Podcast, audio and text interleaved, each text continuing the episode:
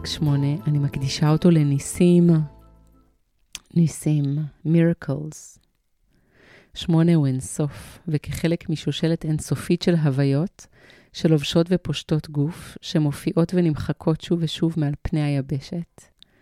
קטונתי בכלל להבין מי ומה אני, ובמופלא ממך אל תחקרי. אבל אולי דווקא כן תחקרי. אבל קחי בחשבון שמה שתגלי הוא קצה הקרחון, אם בכלל תגלי משהו. אז נראה לי שטוב יהיה להקדיש את הפרק הזה לניסים.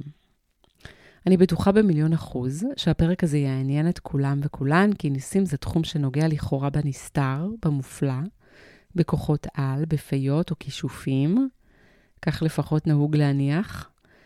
כל זאת מפני שאנשים פשוט לא מודעים לכוח שלהם וגם לא מאמינים בו. וגם חושבים שנס זה דבר רחוק מאוד, וספק אם בכלל קיים, בשעה שהוא פה כל הזמן ממש כמו מים בברז. בטח כבר זכיתם קצת להכיר אותי ולהבין שאני לגמרי בענייני הנגשה. בגלל זה אני גם מורה. כל הזמן אני מלמדת. כל מה שלא ברור, אני נוהגת להסביר לעצמי וללמוד אותו, ואז להסביר וללמד אותו כל מי שירצה ותרצה לשמוע. אותו דבר, אגב, עם האתגרים הטכנולוגיים שלי. בגלל זה גם הלכתי ללמוד את הקורס בניסים, והתעמקתי בו כמה שנים. אמ, אני כבר לא זוכרת בדיוק איפה כתוב מה ובאיזה עמוד, אבל את העיקרים אני יודעת וזוכרת היטב, ואותם אני אנסה להנגיש לכם. אמ, מה זה הקורס בניסים? תיכנסו לגוגל ותקראו, אני לא אתחיל לעשות לזה עכשיו introduction. אה, אבל בגדול זה קורס שהגיע בתקשור לשני פרופסורים מאוניברסיטת קולומביה לפני 50 שנה, משהו כזה. קראתי איפשהו הנחה מעניינת שטוענת שאם אנשים לא היו מפחדים, אם לא היה דבר כזה פחד, שהוא סוג של מחסום או הגנה או גם מכשול, אם לא היה פחד, אנשים היו יכולים להזיז חפצים בכוח המחשבה. איזה מעניין לחשוב על זה. אף פעם לא נדע. כי אנחנו קבורים וקבורות בערימת פחדים וחששות, ובעיקר באמונות שחפצים פשוט לא יכולים לזוז בעזרת כוח המחשבה. אבל אם כן, נניח, תדמיינו כמה מקום הפחד תופס בשכל וביכולות שלנו, כמה הוא שזור בכל נים ונים. אני חושבת שבין אם חפצים יכולים כן או לא לזוז בכוח המחשבה, מה שמשנה ומעניין כאן הוא עצם הקביעה או הנחת היסוד שהכוח שלי מוגבל, שיש דברים שהם פשוט בלתי אפשריים, מעבר להישג ידי. האומנם? האומנם הדברים הם מעבר להישג ידי? אני כבר לא זוכרת באיזה פרק דיברתי על הנסיבות, אולי בפרק 2 של הקרמה. אז אין לי ממש מושג איך ולמה הדברים קורים, אבל הכל ארוג זה בזה, הכל קשור, הכל מתחבר. וכשזה המצב, אז כחלק מהמכלול, יש לך ולי בהחלט יכולת להשפיע, לשנות, להזיז דברים בעולם. להזיז דברים הרבה יותר גדולים מעט על שולחן, או פרחים מעבר לסלון. אתם זוכרים את הסרט אני? בטח שאתם זוכרים. אתם זוכרים את שומר הראש הסיקי פונג'אב? פונג'אב, שמתאמן בזמנו הפנוי בהזזת חפצים. בסופו של דבר, כשהוא צריך לחלץ את אני מהמטורללים שרודפים אחריה, והיא כבר על הקצה של המנוף, הוא נשלח אליה במסוק ומחלץ אותה חילוץ הירואי ופיזי לחלוטין, בלי קסמים וניסים. יד שתופסת יד ומצילה. בואו נסכים לפחות על זה שאנשים שמעזים לעשות, שפחות מפחדים, שניגשים למה שמעניין אותם, ולוקחים, פועלים, מגיבים, יש להם יכולת טובה יותר להשיג ולממש. אנשים שמפחדים פחות מתחככים יותר בחיים. אנשים שמפחדים פחות מתחככים יותר בחיים, לטוב ולרע. הקורס בניסים מאפיין את עקרונות הניסים. ואני כן פתחתי את הספר כדי אה, לדגום לכם אה, כמה מעקרונות הניסים, שאחרי שתקראו ותשמעו, אז אה, תראו שזה באמת משהו שהוא מאוד בהישג יד. קודם כל, נס מוגדר כביטוי של אהבה. כולנו יודעות ויודעים מה זה ביטוי של אהבה, נכון? אני מאוד מקווה שכולנו יודעות ויודעים. אין דבר כזה נס גדול או נס קטן, אין היררכיות ודרגות קושי, כי כל ביטויי האהבה הם מרביים, שזה גם משהו נורא נורא יפה. אה, כל דבר שנובע מאהבה הוא נס. ניסים הם הרגלים, ועליהם להיות לא רצוניים. אסור שיהיו בשליטת ההכרה. כאילו, אני לא מחליטה, למשל, שמעכשיו אני אוהבת מישהו אה, שאני שונאת בדרך כלל, ובכך אני אצור מיוזמתי נס. אז כאילו, לא, זה לא עובד ככה. ניסים הם טבעיים, הם קורים בטבעיות, וכשהם לא קורים, סימן שמשהו השתבש. נס הוא השירות המרבי שביכולתך להעניק לאחרות. זוהי דרך של ואהבת לרעתך כמוך. ואהבת לרעך כמוך. ניסים הם סימנים טבעיים של סליחה. ניסים משקפים את חוקי הנצח, ולא את חוקי הזמן. מה אתם אומרים? מתחבר? מוכר? משהו? נס אף פעם לא הולך לאיבוד. עשויה להיות לו נגיעה באנשים רבים שאפילו לא פגשת, ובכוחו לגרום לשינויים שלא שוערו במצבים שאפילו אינך מודעת אליהם. די מדהים.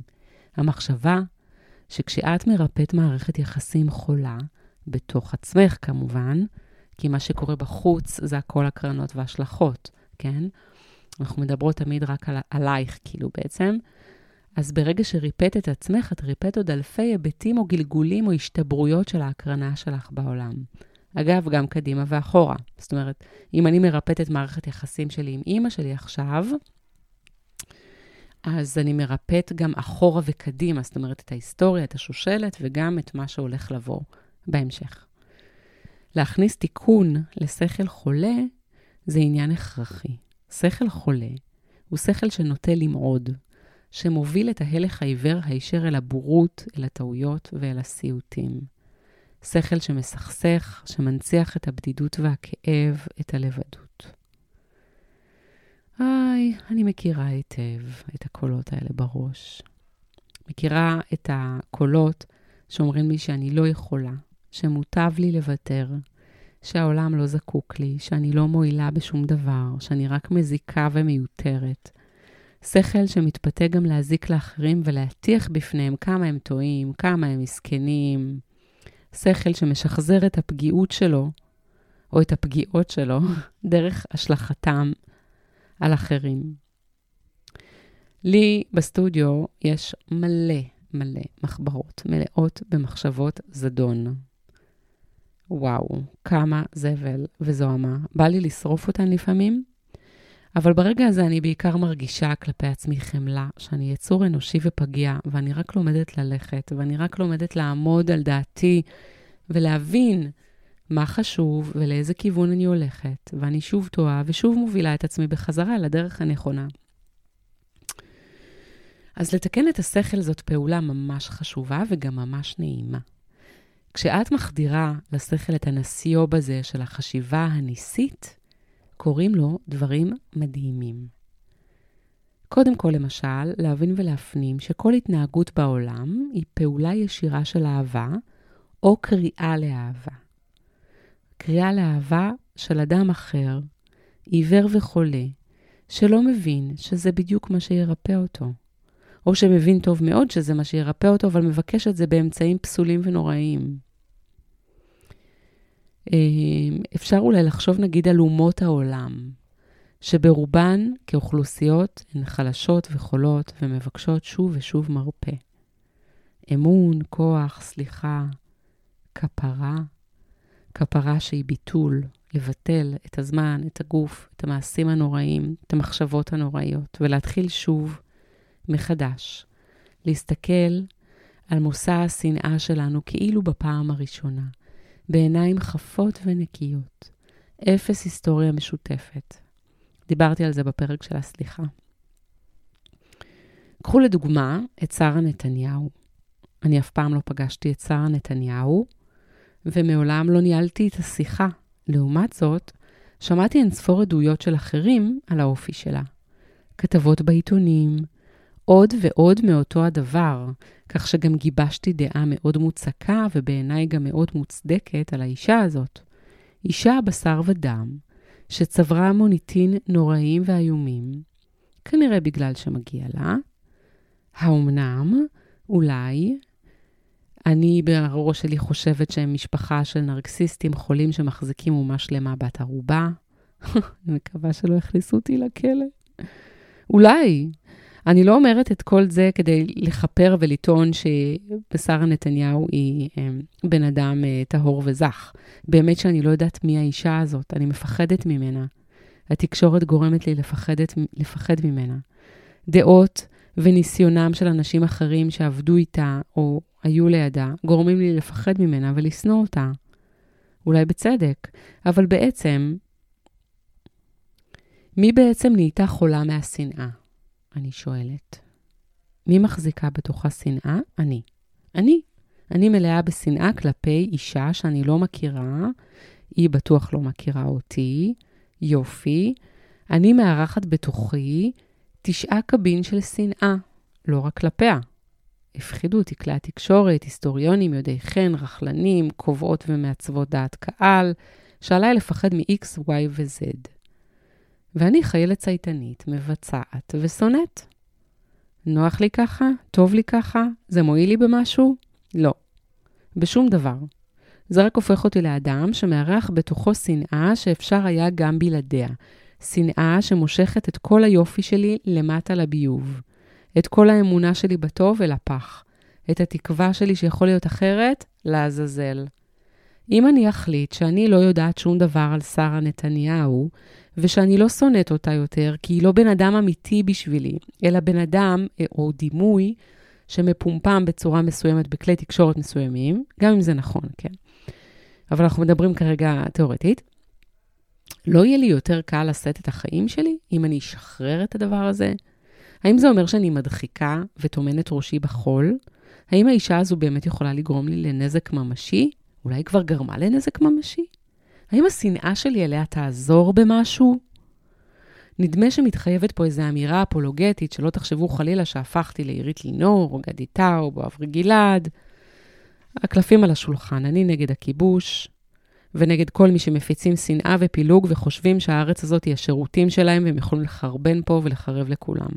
דעתי בעניין ברורה, ואני מפגינה אותה כמעט בקביעות בגוש נגד הכיבוש בקפלן, ובכל מקום אחר שאני יכולה להגיע. עדיין, אני לא רוצה יותר לארח שנאה בגוף שלי, וזאת גם זכותי ובעיקר חובתי, ואם אני רוצה שיהיה כאן טוב יותר, כי שנאה היא שנאה היא שנאה היא שנאה, לא משנה אם היא מופנית אל הצד הצודק או אל הצד הטועה.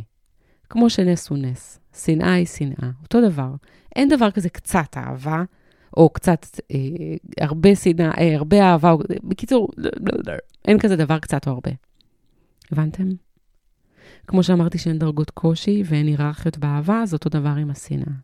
אז מה שאני מנסה לומר, זה שמותר לי לנסות ולשחרר את השנאה כלפי שרה נתניהו, או כלפי הבן שלה, שמפחיד אותי אפילו יותר ממנה, וגם אותו לא פגשתי כמובן.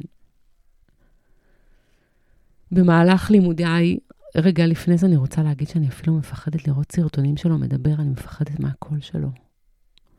רק את טלי גוטליב העזתי להקשיב לה לפני כמה זמן, ופתאום היא לא כל כך הפחידה אותי ברגע ששמעתי אותה. נכון, היא נובחת, היא, טוע, היא טוענת את הטענות שלה ככה בצורה מאוד מאוד כזאת, היא... כאילו היא זורקת על מישהו אבנים, אבל הם, לא כל כך היה מפחיד פתאום, אני חייבת להגיד. במהלך הלימודים שלי בקורס בניסים, שלמדתי אצל אפרת שר שלום בבית דניאל בתל אביב, מדי ימי שלישי. אז תמיד נתפסתי על הדוגמאות האלה של שרה נתניהו, כי הם הרגישו לי כמו קו ההגנה האחרון שהאגו שלי שומר. בסדר, אני אסלח, אני אסלח, אני אסלח, אבל עד גבול מסוים. עד שזה מגיע לשרה נתניהו, נגיד. שם אני לא סולחת. אז לא, זה לא עובד ככה. כי אם את שמה מרכך כביסה, ואת מחליטה כאילו, אז זה מגיע לכל הכביסה. אם את שמה סליחה בשכל שלך, היא אמורה ומתבקשת להגיע למחוזות הכי נידחים ובלתי אפשריים במחשבות שלך. אין איפה ואיפה.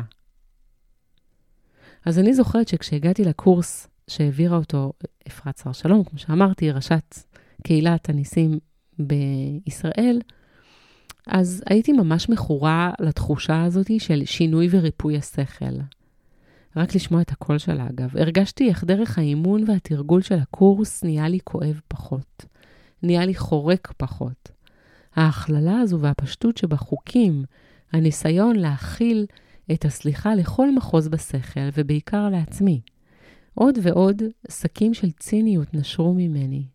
שוב ושוב פגשתי במכשולים ובגבולות שלי, בתמרונים המטופשים וגם הגאוניים של המוח שלי שמהתל בי ומביא אותי אל פיות תהום. סביבי, עשרות רבות של מתרגלות ומתרגלים.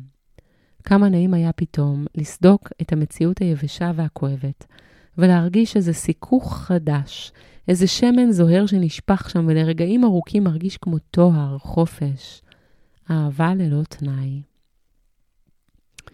יש משהו שמפחיד בלמוטט את כל הגבולות האלה ולאפשר לסליחה גם להגיע למחוזות, ה, מה שנקרא The Red Zones, המחוזות המסוכנים, כי את אומרת לעצמך שאת צריכה לשמור על איזה שהם גבולות, שלא כאילו אה, תאבדי את זה, שלא תאבדי את הזהות שלך, כי מי תהיי אם לא תשנאי את האנשים שמתעללים בבעלי חיים, ומי תהיי אם לא תשנאי את כל מי ששרף את המשפחה שלך אה, במלחמה הזאת או במלחמה אחרת.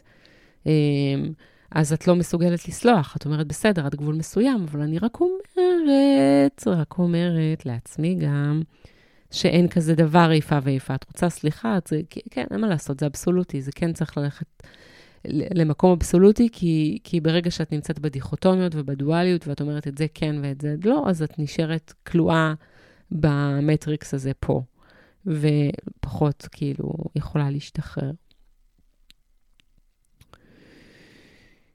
היי, האימון הגדול מכולם הוא להכיל את האפסיות הזאת שלנו, כן?